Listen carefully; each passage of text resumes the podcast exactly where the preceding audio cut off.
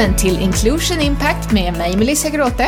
Och mig Sara Jonasson Ginters. Podden om ledarskap och inkludering. Om ni gillar det ni hör här i Inclusion Impact så uppskattar vi om ni vill ge podden stjärnor, prenumerera och dela i sociala medier så fler kan ta del av den. Har ni feedback eller förslag på gäster så får ni jättegärna höra av er genom LinkedIn, Instagram eller vår hemsida. Veckans gäst är Evelina Antila som vi har bjudit in för att ta del av hennes syn på ledarskap och inkludering. Evelina är utbildad advokat och började sin karriär på Mannheim med Svartling.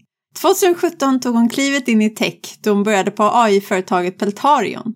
En av Evelinas hjärtefrågor är inkludering, mångfald och jämställdhet inom AI, vilket hon ger oss insikter och tips om i avsnittet. Nyligen tog Evelina ett nytt spännande kliv i karriären och är nu partner på investmentbolaget Wellstreet. Evelina är också medgrundare av legal tech-företaget Justic, en tjänst med digitaliserad juridisk rådgivning som har syftet att förenkla förmedling av advokattjänster och att fler ska få tillgång till juridisk rådgivning. Som ledare är Evelina starkt präglad av sina många år som fotbollsspelare, vilket är något hon återkommer till flera gånger under intervjun. Hon drar paralleller till att samla truppen, fokusera på det gemensamma målet och att alla ska känna sig trygga. Under åren säger hon själv att hon som ledare har blivit bättre på att vara good enough genom att släppa taget om den duktiga flickan som var mer framträdande tidigare i hennes karriär. Nu hälsar vi dig välkommen till ett öppet och insiktsfullt samtal med Evelina som är en perfekt gäst i veckans avsnitt av Inclusion Impact.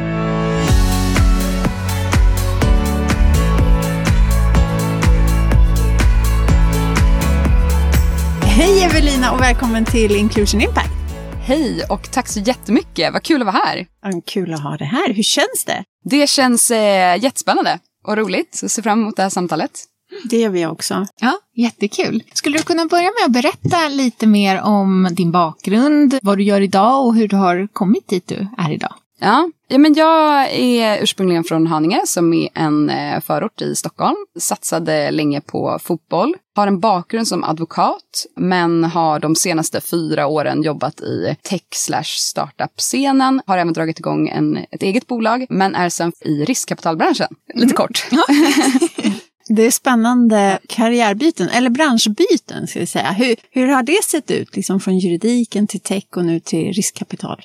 Mm, ja, men jag tror att det, den gemensamma nämnaren är ett intresse för samhällsfrågor. Och så här, från första början, jag tänkte ju att jag skulle satsa på fotboll. Jag gick på fotbollsgymnasium, tyckte det var väldigt kul. Sen så var det andra intressen som pockade på det här. Bland annat så tror jag att så här, ett uppvaknande för orättvisor som jag kände mig liksom starkt drabbad av i att faktiskt vilja påverka något. Och då tror jag att juridiken blev väldigt tilltalande i att använda som ett verktyg för att faktiskt eh, ja, skapa förändring. Så att jag började med det, hade först en tanke om att bli brottmålsadvokat, men hamnade i eh, affärsjuridiska svängen och jobbade på en av eh, de större byråerna i Stockholm. Jobbade mycket med förvärv, företagsförvärv och investeringar där klienterna antingen var ja, men, olika riskkapitalbolag eller större verksamheter eller startups. Och där liksom började ett frö gro i att gud vad spännande det de håller på med. Och jag nästan blev avundsjuk på, på deras vardag än min egen. Så att, eh, jag började,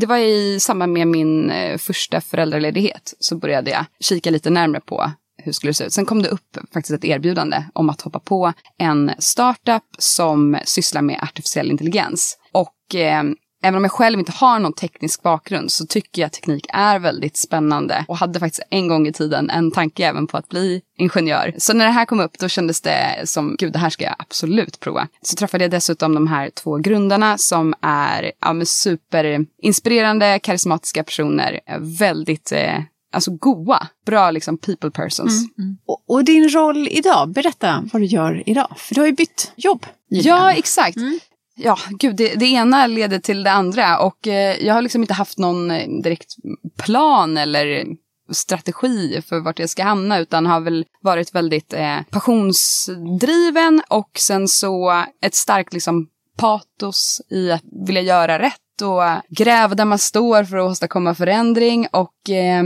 i techbranschen så finns det ju en otrolig liksom, drivkraft eh, i form av innovation och det är snabbföränderligt. Jag gillar verkligen det, men det finns också jättemycket utmaningar där det definitivt bör liksom, ske snabbare förändringar.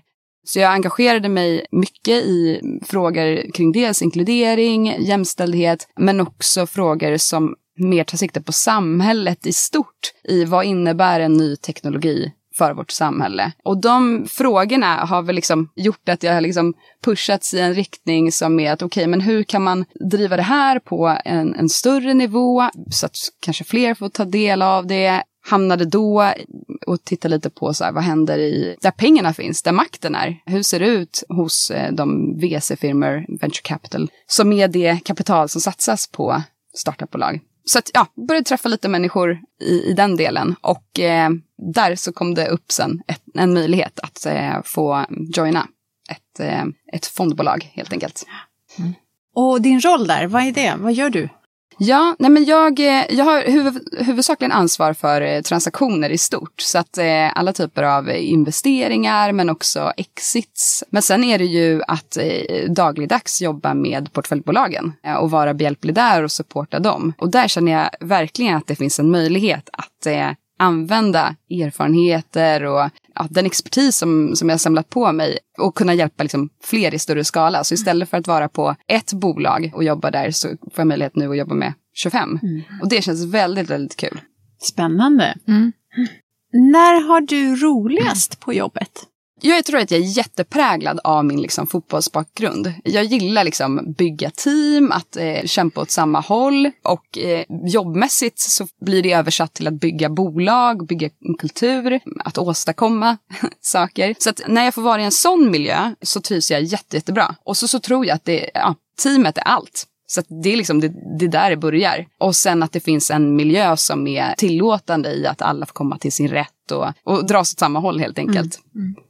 Ja, det lät ju som det hade en avgörande påverkan också på hoppet in i tech. Ja, men verkligen, mm. verkligen. Vad har varit din höjdpunkt i den här veckan? Jag måste ändå säga min eh, tennisträning igår, för det har jag verkligen inte haft tid med på länge, vilket är inte så hållbart. Återhämtning är ju allt. Så det var väldigt skönt att få komma iväg och göra något kul. Så det skulle jag säga är det som är hittills. Mm. Spelar du fotboll fortfarande? Ja, jag gör det, men jag liksom maxade det mm. så mycket. Mm. Så att, eh, det kom till en punkt när jag nästan tappade intresset mm. för det. Nu tycker jag att det är kul att spela, tittar även på fotboll. Men eh, det är snarare att jag upptäckt nu massa andra idrotter. Vad kul. Om du fick möjlighet att lära dig något nytt, finns det någonting som du skulle lära dig mer om? Något så bubblande intresse eller någonting som du inte har utforskat tillräckligt än? Gud, eh, rolig fråga. Jag tycker att det är jättekul att lära sig nya saker hela tiden och eh, det är nästan så att eh, jag signar upp mig på grejer. Till exempel signar upp mig nu för att lära mig spela piano. Jättekul men eh, jag har tyvärr bara fått till en gång. Men om jag skulle säga i stort så skulle jag säga språk. Det skulle jag absolut vilja, och det är liksom aldrig för sent, det handlar ju mer bara om tid. Men också alltså språk i stort, men också språk i form av eh, programmering. För att eh, teknikintresset är ju verkligen kvar och jag har jobbat i techbranschen men jag är långt ifrån att vara liksom en, en programmerare. Så att jag tror att för förståelsen för tekniken så är det bra att komplettera med lite kodakurser. Jag har faktiskt gått en och annan men eh, ja, det, det är kul. Det är en eh, learning curve. Mm. Verkligen. Mm. Ja, men det finns ju tiden. Mm. Bara Exakt. hitta den. Exakt. Prioritera den. Prioritera den, precis. Är det dags för att dyka in på första temat som är ledarskap i samtalet. Hur skulle du beskriva dig själv som ledare? Ja, gud, det känns som att jag blir så tjatig, men jag tror verkligen att jag är präglad av just eh, lagidrotten. Mm. För jag har haft väldigt många coacher, både bra och dåliga. Men det är liksom, för det kommer tillbaka till att samla truppen, fokus på det gemensamma målet, få alla att känna sig trygga. Och liksom nystar man i det så tror jag att det är två saker som, som jag själv hela tiden eftersträvar i mitt ledarskap. Och det är inkludering.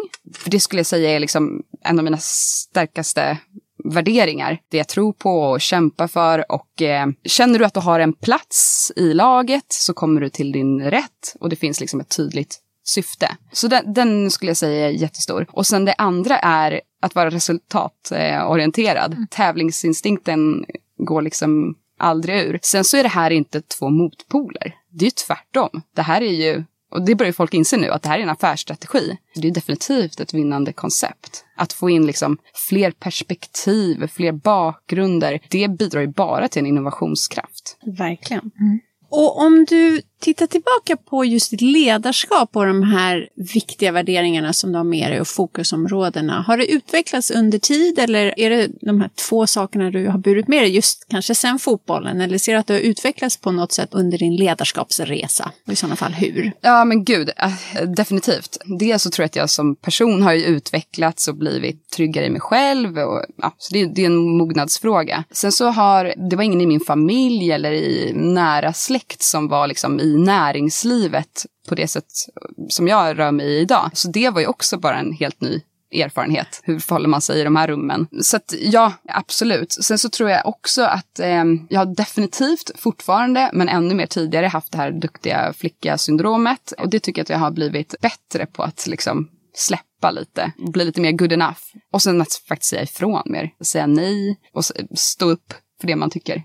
Hur har du, eh, just det här med duktig flicka, det har vi pratat om med några andra gäster också. Mm. Hur, hur har du gjort det? Hur har du liksom börjat bryta dig ur det, eller bryta dig fri från det? Är det med eh, åldern? Ja, eller? ja, men jag, ja, men jag tror det. Och sen i att när man hamnar i arbetssituationer där det liksom, det funkar inte att hålla en sån typ av, eh, vad ska man säga, att vara duktig flicka i, i en miljö där det är väldigt snabbfotat, där det är överhuvudtaget mycket som händer. Så ja, det blir liksom inte hållbart. Nej men det har definitivt varit en mognadsfråga att liksom våga släppa kontrollen. Mm. Eh, och så, så tror jag att jag som person har mycket i mig, oavsett om jag är en duktig flicka eller inte, att vara liksom, ja, men lite kontrollfreak. Jag vill ändå känna, ha koll på sakerna. Jag är stora syster. Jag tror att det, liksom, det sitter nog mycket där i också. Ja.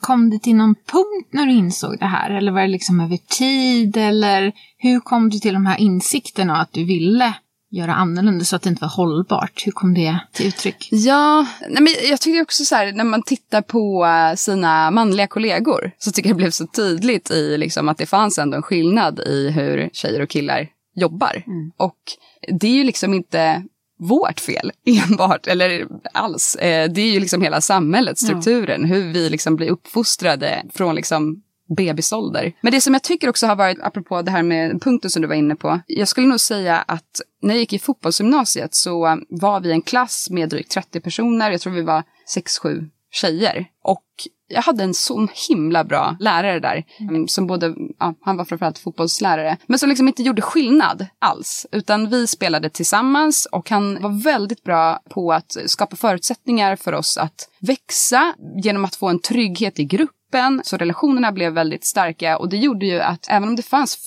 alltså obviously, fysiska skillnader mellan tjejer och killar så blev vi en enda grupp. Och det tycker jag var en väldigt eh, jag har definitivt inte tidigare kunnat sätta ord på det och inte liksom reflekterat över det. Men idag kan jag ändå se att det gav liksom skinn på näsan och eh, lite mer stå upp för sig själv. Mm.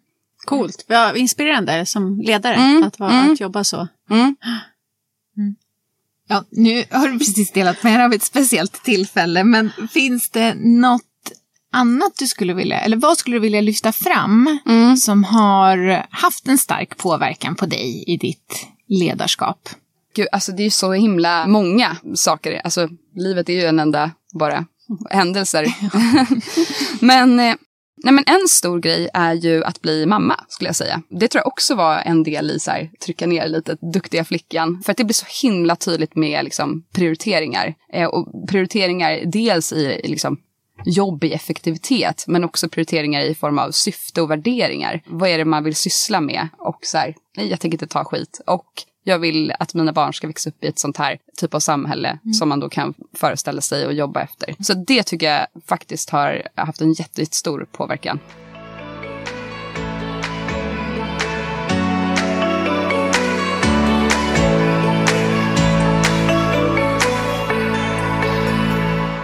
Misstag, eh, det är ju något som alla gör. Finns det några misstag som du har gjort och framförallt vad fick du för lärdomar med dig av det misstaget? Ja, men, jättemånga misstag, så tycker jag misstag är jättebra för att man lär sig väldigt mycket. Men eh, dels sådana saker som att eh, saker som eh, skaver, att ta tag i det tidigt, oavsett om det är liksom en kommunikationsmiss, att ja, tidigt bara rätta ut missförstånd.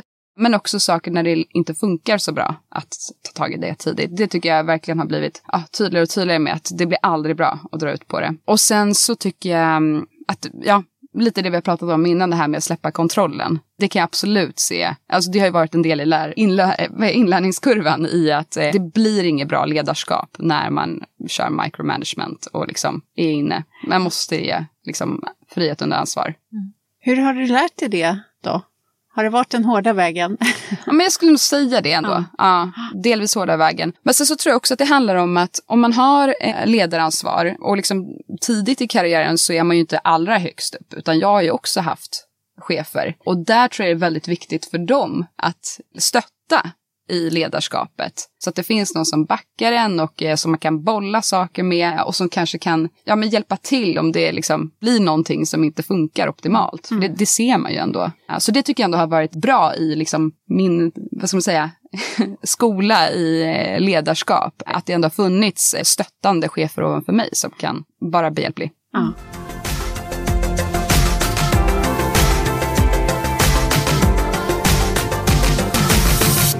Då är det dags för våra fem snabba frågor. Vad är du stoltast över i ditt ledarskap? Modet. Vad tycker du är svårast med att leda? De tuffa samtalen. Vad är det roligaste med att vara ledare? Jobba mot det gemensamma målet och sen fira tillsammans när man når det. Finns det någon ledare som du inspireras av och i sådana fall varför? Ja men absolut, jag har flera stycken. Den första som jag kommer tänka på är eh, Asra som är en eh, väldigt god vän till mig och eh, även medgrundare till det legal tech-bolag som vi har dragit igång. Hon är jätteinspirerande, tydlig med sina värderingar ja, och har en drivkraft som är liksom väldigt entusiasmerande. Och sen så skulle jag säga Jenny Keisu som är också en väldigt inspirerande person och Carolina Walter. Berätta om Jenny och Carolina här, vilka, vilka är det? Ja, men det är två tjejer i min närhet som eh, ja, vi alla nog haft gemensamt att vi har börjat med juridiken. Nu gör helt andra saker. Jenny är idag vd på Xshore, elbåtsbolaget. Mm. Men var liksom medgrundare till ett riskkapitalbolag som har haft fokus på hållbarhet och har det fortfarande. Och eh, Carolina, hon eh, har senast varit i eh, riskkapitalsvängen men nu har nu hoppat över till eh, startup-scenen och bytt roll, eh, är idag finanschef. Så det är tre supermodiga tjejer som liksom tar för sig men liksom på ett sjukt bra sätt och får med sig andra att växa. Så det, ja. Grymt. Kanske framtida gäster i podden? Ja, absolut. Vad behöver du från din chef? Förtroende.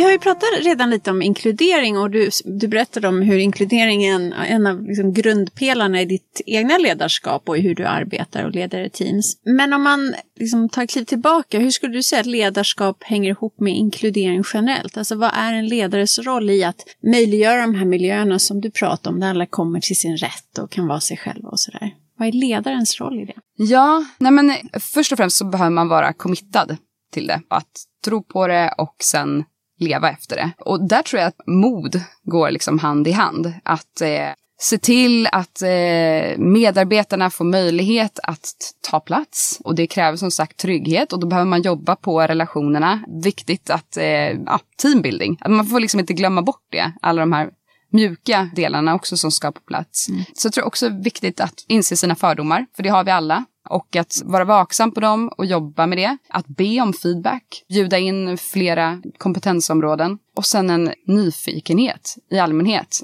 Vilka är det som du har i gruppen? Vad tycker de om att göra? Vad vill de göra? För där, det är också en viktig sak, att man får möjlighet att växa inom organisationen. Verkligen. Och jag tänker på artificiell intelligens mm. som du har jobbat mycket med. Och ledarens roll och inkludering. Och som, som har varit en av de, eller som är en av de hjärtefrågorna som du har arbetat. Skulle du kunna berätta mm. lite mer om liksom ditt arbete just kring inkludering, jämställdhet när det kommer till artificiell intelligens?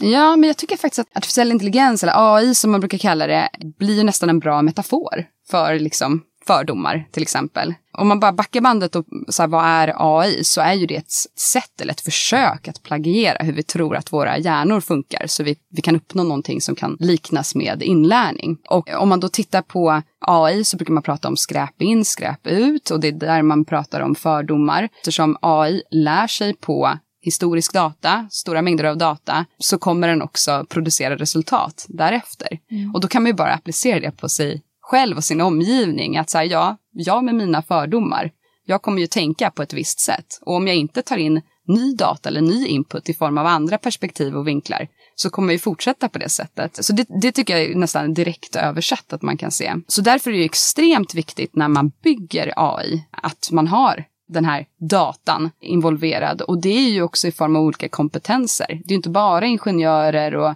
data scientists och utvecklare som ska sitta med det här, utan det är en mängd andra områden. Beteendevetenskap, samhälle, ekonomi, psykologi. Och när man får in alla de aspekterna, då kan man ju på riktigt faktiskt börja bygga någonting som blir bra och som faktiskt kan ha en bra påverkan på samhället också. Och där tycker jag är AI Sweden är faktiskt väldigt bra på att dra ihop de här olika typer av eh, kompetensområden. Så att det just sprids ut och vi får en, en mångfald i, i de utmaningar som kan uppstå. Eh, Sweden är ju eh, ja, Sveriges nationella center för artificiell intelligens. Jobbar mycket med liksom, partnerskap, driva frågor. Bland annat nu så, jag själv är engagerad i deras AI-etiklabb där vi tittar närmare på etiska frågeställningar som man ska fundera på i byggandet och konsekvenserna av dessa. Vad är några av de överväganden eller de etiska frågor som, som ni pratar om där eller som du ser generellt kopplat till AI? Ja, men dels så är det den här frågan om fördomar. Bias brukar man ju prata om. Sen är ju frågan om säkerhet, personlig integritet. Eftersom det är data som man jobbar med så kommer ju frågor om GDPR, persondata. Men det är också samhällsfrågor i säkerhet i stort. Men också vad innebär det här för våra jobb? Och vad innebär det för samhället när det idag är väldigt få som vet vad artificiell intelligens innebär och vad det kan göra? För det blir ju egentligen en demokratifråga mm. om vi har en väldigt stor grupp av befolkningen som inte är uppe på banan med en ny teknologi mm. som, eh, som kan göra väldigt mycket. Vad är den generella kunskapsnivån eller vad, vad, står, vad står Sverige Ja, men generellt så visar ju studier att eh, det är en låg nivå fortfarande. Även om det sker ju hela tiden initiativ som är jättebra. Och AI Sweden är väldigt bra på att driva sådana saker. Men problemet kvarstår ju ändå att det, det går lite för långsamt. Och där har man ju som ledare en viktig roll i att eh, ta in den kunskapen i organisationen. För vare sig man vill eller inte så kommer ju artificiell intelligens bli en del av allas vardag. Det är det ju redan idag. Mm. Ta bara våra telefoner till exempel. Så det, det tror jag är jätteviktigt att, eh, att börja jobba med det i organisationen och har man inte själv den kompetensen så kan man ta in den utifrån. Jag tänkte på det här du sa med just det med data in, data ut, eller skräp in, skräp ut och bias och så. Ibland när jag föreläser brukar jag ta ett exempel där Amazon tog fram en sån här rekryterings-AI och mm. kvinnor sorterades bort beroende på hur AI var byggd. Men i det fallet, vad skulle de kunna gjort annorlunda?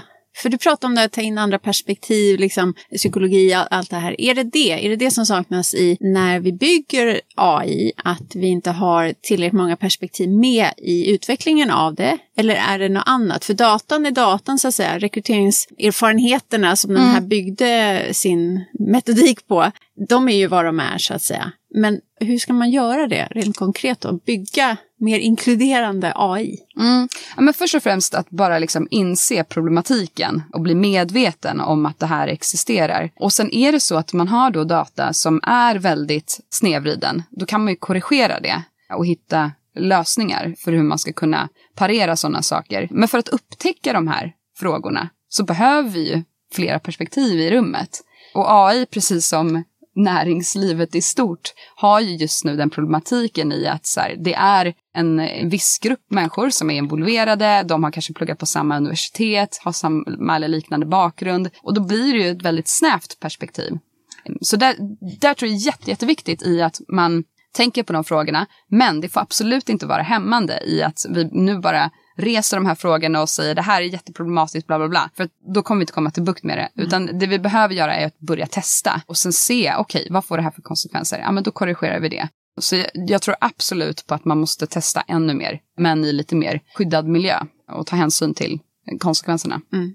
Mm. Ta ett steg tillbaka, du pratade om ledarens roll i att eh, bli mer, skapa mer kunskap kring, kring AI. Har du några konkreta råd eller tips hur man kan, hur man kan börja som ledare att, att lära sig mer om AI och vad, vad, är det, vad kan man göra för att bidra till mm. en ökad takt? Ja, men först och främst så tror jag också att man får inse att det här kommer gälla alla delar i organisationen och att det liksom inte bara kan förpassas bort. Jag tycker nästan att man ska se på det som GDPR i att det här kommer påverka alla kedjor och eh, GDPR, en lagstiftning som kom på plats, helt plötsligt var alla tvungna att bara okej, okay, kavla upp ärmarna, mm. nu ser vi till att det fixas. Nu har vi ju faktiskt en förestående EU-lagstiftning som kommer ta sikte på just artificiell intelligens. Det finns ett förberedande förslag och eh, sannolikt så kommer vi se någonting åt det hållet om några år. Så att ett, börja liksom förstå att det här kommer drabba hela organisationen och som vi pratade om tidigare, att ta in expertis om man inte har den själv, att faktiskt göra tid för det. Och sen finns det väldigt mycket gratis information att få. Det finns enkla kurser, det finns eh, enkelt material tillgängligt att läsa gratis. Så att, att, ta upp det här på agendan helt enkelt. Mm. Det är något alla ledare borde kunna lite om i alla mm. fall. Precis. Och vi var inne på det här med, med utmaningar ju, men om du skulle sammanfatta liksom möjligheterna. Vad är det vi ser framför oss utifrån ett AI-perspektiv? Vad, vad, ser du som de största möjligheterna och kanske förändringarna som kommer komma med det? Men jag tror att eh, alltså den här tekniken är liksom inte lösningen på alla våra problem. Men jag tror definitivt att det är ett jätteviktigt verktyg för att eh, hitta lösningar på de stora utmaningar som vi har. Allt ifrån klimatkris till hälsoproblematik, mer prediktiv vård, samhällsfrågor i stort. Så att jag, det är ett jätteviktigt verktyg och jag tror man kan åstadkomma väldigt stora saker och det ser vi ju redan nu. Mm. Eh, framförallt inom just medtech tycker jag att man kan se ja. eh, väldigt spännande saker. Verkligen. Vad finns det för aspekter inom tech som du har observerat som gör inkludering både mer utmanande men också vad det finns för möjligheter just inom tech? Men eh, möjligheten tycker jag är solklar i att eh, det är ju en affärsstrategi. Vi blir mer innovativa, mer lönsamma. Det visar ju rapport efter rapport. Och det tycker jag att nu börjar ändå man inse det, men det går alldeles för långsamt. Alldeles för långsamt. Och, och, så här, och vad består den långsamheten av? Jag tror att i startup-scenen så eh, kan det vara problematiskt i att det ska gå väldigt fort eh, och det ska snabbt eh, bli skalbart och det ska vara pengar. Och när man då har det för ögonen så kanske man inte förstår att de här mm. andra sakerna faktiskt bidrar till det. Men det hamnar inte lika högt i liksom, prioriteringsordningen. Sen så tror jag nätverken är liksom ett problem för att alla inte inkluderade i mm. dem. Mm. Eh, och det är väldigt tydligt i ja, men hur man tillsätter styrelser och vilka man tar in som aktieägare i en ängelrunda eller vem man tar in som CTO eller något sånt där. Så, så det är ett, eh, ett problem.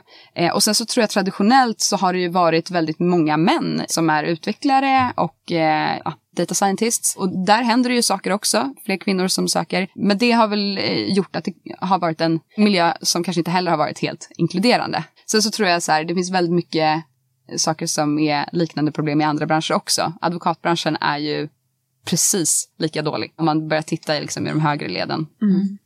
Där är väl ändå andelen kvinnor i stort, där är inte juridik generellt mer könsbalanserad i alla fall. I början skulle jag säga det. Ja. Och jag tror att eh, när det gäller x antal personer som tar ja. examen från juridikstudier så är det ju till och med en majoritet kvinnor. Och så, så tror jag att det också är i intaget sen på till exempel advokatbyråer. Men sen är det någonting som händer och det blir liksom precis tvärtom i de högre leden.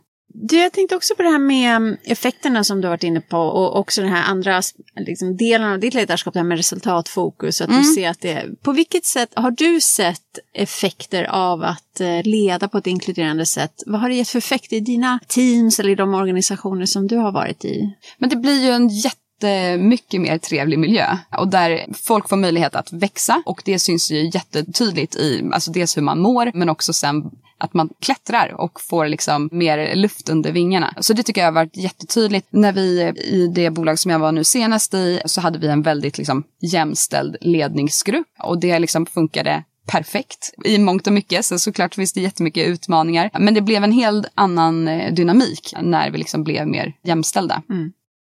Jag sitter här och funderar på vart, eh, vart ditt driv kommer ifrån. Ditt driv för det här med att det, liksom, ditt, det kommer från värderingar och att du värderingsstyr och så. Vad, vad ja. har du fått med dig det ifrån? Ja, ja, gud, bra fråga. Men jag tror så här att mitt uppvaknande för orättvisor kom nog ganska tidigt. För jag är uppvuxen i en förort där det definitivt inte fanns de här nätverken som jag nu så tydligt liksom ser i min vardag. Mm. Och ja, men det blev tydligt med liksom, orättvisor, att alla definitivt inte har samma möjligheter. Så det, det tror jag definitivt är en, en drivkraft i att, alltså det drabbar mig så himla hårt. Jag blir så himla berörd. Så att, eh, det är en jättestor del i min eh, drivkraft mm. i att faktiskt få påverka. Jag tror att det, det, är väl liksom att jag som person, jag skulle ändå säga att jag är empatisk. Jag har lätt för att liksom tänka mig in i andra situationer och känna mm. med. Så jag, jag, tror det är det. Sen så är det väl en kombination med liksom en målinriktning, en tävlingsinriktning i att så här, men det här kan vi ju förändra och driva framåt. Varför gör vi inte det? Mm. Varför gör vi inte det snabbare? Så den, den kombinationen får saker på rullning. Ja. Mm. och med det drivet då och engagemanget och ja, men du blir berörd och så. Vad är det du, vad vill du förändra? Liksom, vad, vad är det du vill förändra? Förändra maktbalansen, förändra så att det inte är lika mycket orättvisor oavsett om det liksom är i näringslivet eller i samhället i stort. Och en av dem, det var ju alltså en av anledningarna också till att jag drog igång det här legal tech-bolaget tillsammans med Astra som jag nämnde tidigare. Mm. Där vi eh, just nu digitaliserar juridisk rådgivning för att fler ska få tillgång till det. För det är ett jättestort problem idag i att det dels finns missuppfattningar kring hur man får tag på juridisk rådgivning, vad det kostar och så vidare. Och dels att det är även ett litet nätverk där. Om man inte känner någon jurist eller advokat så vet man kanske inte vart man ska vända sig. Mm. Och de liksom trösklarna ville vi stampa ner. Men berätta, vad är det ni gör då i bolaget? Ja, men vi har gjort en, eh, en digital eh, advokatmottagning där vi har en, eh, ett intelligent matchningssystem där man via vår hemsida klickar sig fram vad man har för problem och blir matchad med en advokat eller jurist som är expert inom det området. Och det som många inte känner till det är att advokater och jurister brukar oftast, om inte alltid, ge liksom första inledande samtalet gratis. Okay. Men det vet man kanske inte om mm. eh, och sen så är det kanske inte jättetydligt. Så det vi gör nu är dels att liksom matcha dig med rätt person så att du får träffa någon och det är tydligt från början att det här första samtalet är gratis. Wow. Sen så kan det ju bli så att man behöver vidare hjälp. Men då får liksom dialogen vara tydlig med, mellan juristen och personen. Att så här, ja, men då, om vi ska ta fram det här samboavtalet, då kommer det kosta så här många hundra kronor. Mm. Mm. Så där tror vi verkligen att det går att bryta barriärer. Mm. mm. Fantastiskt. När startade ni upp? Vi eh, lanserade den här i eh, somras, så vi har bara haft eh, live nu några månader. Men vi sitter just nu och digitaliserar nästa juridiska rådgivningstjänst som kommer vara inriktad på att ge support till kvinnor som har fått förlossningsskador. För då har man möjlighet att söka ersättning hos landstingets ömsesidiga försäkring. Men det är inte alla som vet om. Nej. Och dessutom så finns det även där barriärer i hur man ska eh, till exempel formulera sig. Mm. Wow, ja. fantastiskt. Ja, men det, och, så, det här är så, det här är ju definitivt passionsdrivet. Ja. Och vi brukar nästan säga att Justic, som är vår, då, vårt bolag, det är nästan aktivistiskt i att vi liksom, ja men vill hjälpa grupper som är underserved. Mm. Mm. mm. Ja. ja, riktigt coolt. Ja, verkligen inspirerande. Om vi blickar framåt nu, vad har du för omvärldsspaningar när det gäller ledarskap och inkludering? Ja, men jag tycker definitivt att en, en trendspaning är just att eh, inkludering har äntligen blivit lite av en affärsstrategi. I alla fall så pratar folk om det, så får vi väl se liksom eh, om de walk the talk. Det tycker jag är intressant och där kan man ju nämna att eh, statliga Vinnova har ju börjat ta hänsyn till ägarfördelningen i bolagen mm. som de tilldelar pengar. Mm. Det finns ju en, eh, i mitt tycke, väldigt bra tankesmedja som heter Ownership som eh, är en aktör som hörs och syns på ett jättebra sätt. De ställer krav, bland annat på regeringen, att eh, kartlägga och redovisa data för hur offentliga medel tilldelas. Mm. Bra. Ja, så att jag tycker att det, det händer en del. Och tittar man på riskkapitalbranschen så det börjar bli fler och fler kvinnliga delägare, partners på riskkapitalbolagen, mm. vilket jag tror är jättebra. Mm. För det kommer innebära att mer riskkapital går till kvinnliga grundare. Mm.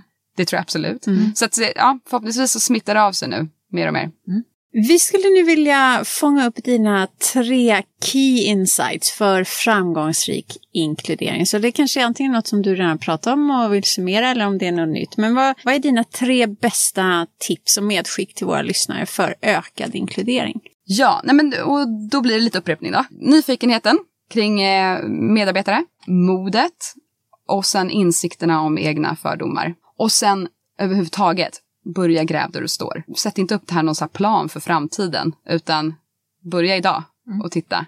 Okej, okay, hur ser det ut med löner? Hur ser det ut med rekrytering? Hur ser det ut med befordran? För det finns jättemycket att göra där. Så börja gräva där du står med hjälp av nyfikenhet, mod och eh, självinsikt. Ja. Ja. Mm. Har du också något vardagstips som du skulle kunna skicka med till att man, förutom att börja gräva, gräva där mm. man står, mm. har du något ytterligare vardagstips som man liksom kan gå ut och göra på direkten för att bli mer inkluderande? Bra fråga. Ja, för jag tycker att det här gräva där du står är ett väldigt bra vardagstips. Mm. men, och, Då alltså, kan vi trycka på det en gång ja, till. Ja, men och, liksom att höja blicken. För alla liksom, de här perspektiven och andra infallsvinklar som man behöver finns ju i ens närhet. Mm. Om, och kanske inte i ens direkta närhet så får man ju då vidga den helt enkelt. Mm. Ja, så att börja bli medveten om hur ens eh, liv ser ut. Mm. Aktivt höja och vilka man umgås med och ja, mm. inte umgås med. Mm. Fint. Stort tack för att du har varit med oss här idag, Evelina. Tack så jättemycket. Det var väldigt kul att prata med er. Mm, jättekul. Sara, det där med good enough, det har ju varit ett återkommande tema från flera gäster. Ja, och det är nog något som många av våra, av våra lyssnare kan känna igen sig i. Det kan jag i alla fall. Absolut, det kan jag också. Och eh, då brukar ju du vara så bra på att påminna mig. Ja, det brukar jag nämligen. För att jag har ju anammat ett väldigt bra uttryck som jag brukar säga i tid och otid, nämligen progress, not perfection. Det är så viktigt, tycker jag, att stanna upp och påminna sig själv att inte hela tiden sträva efter att allt ska vara så perfekt, utan se att det man gör och levererar är väldigt bra och att inte låta den här strävan efter någon slags ouppnåelig perfektion hindra en från att komma framåt och våga köra. Mm, ja, men för det kan man ju fundera på, vad är perfekt egentligen? Och det som kan hjälpa mig när jag fastnar i det här med att inte vara nöjd, det är att sätta saker och ting i perspektiv också, att fundera över prioriteringar och förväntningar och då framförallt förväntningarna på mig själv och hur stor skillnad den extra arbetsinsatsen faktiskt gör på resultatet. Och ibland kanske den behövs, men ofta så har jag gjort tillräckligt att då uppmärksamma det och känna mig nöjd. Det jobbar jag med och träning i färdighet. Ja, men det gör ju det. Och dessutom så tycker jag att ålder och erfarenhet hjälper i, i, i det här, liksom att man kan, jag kan se att min insats ofta är väldigt bra, även om jag inte just gett 200 procent varje gång. Och sen något annat som jag brukar tipsa kanske särskilt så här unga om, det är att tycker man om sitt jobb, är engagerad i sitt jobb och då gör man oftast ett väldigt bra jobb. Ens lägstanivå är ofta faktiskt ganska hög och det är viktigt att komma ihåg. Mm, jättebra avslutande poäng. Med det, tack för att ni har lyssnat på det här avsnittet av Inclusion Impact med vår gäst Evelina Antila och mig, Melissa Gråte. Och mig, Sara Jonasson Sanginter.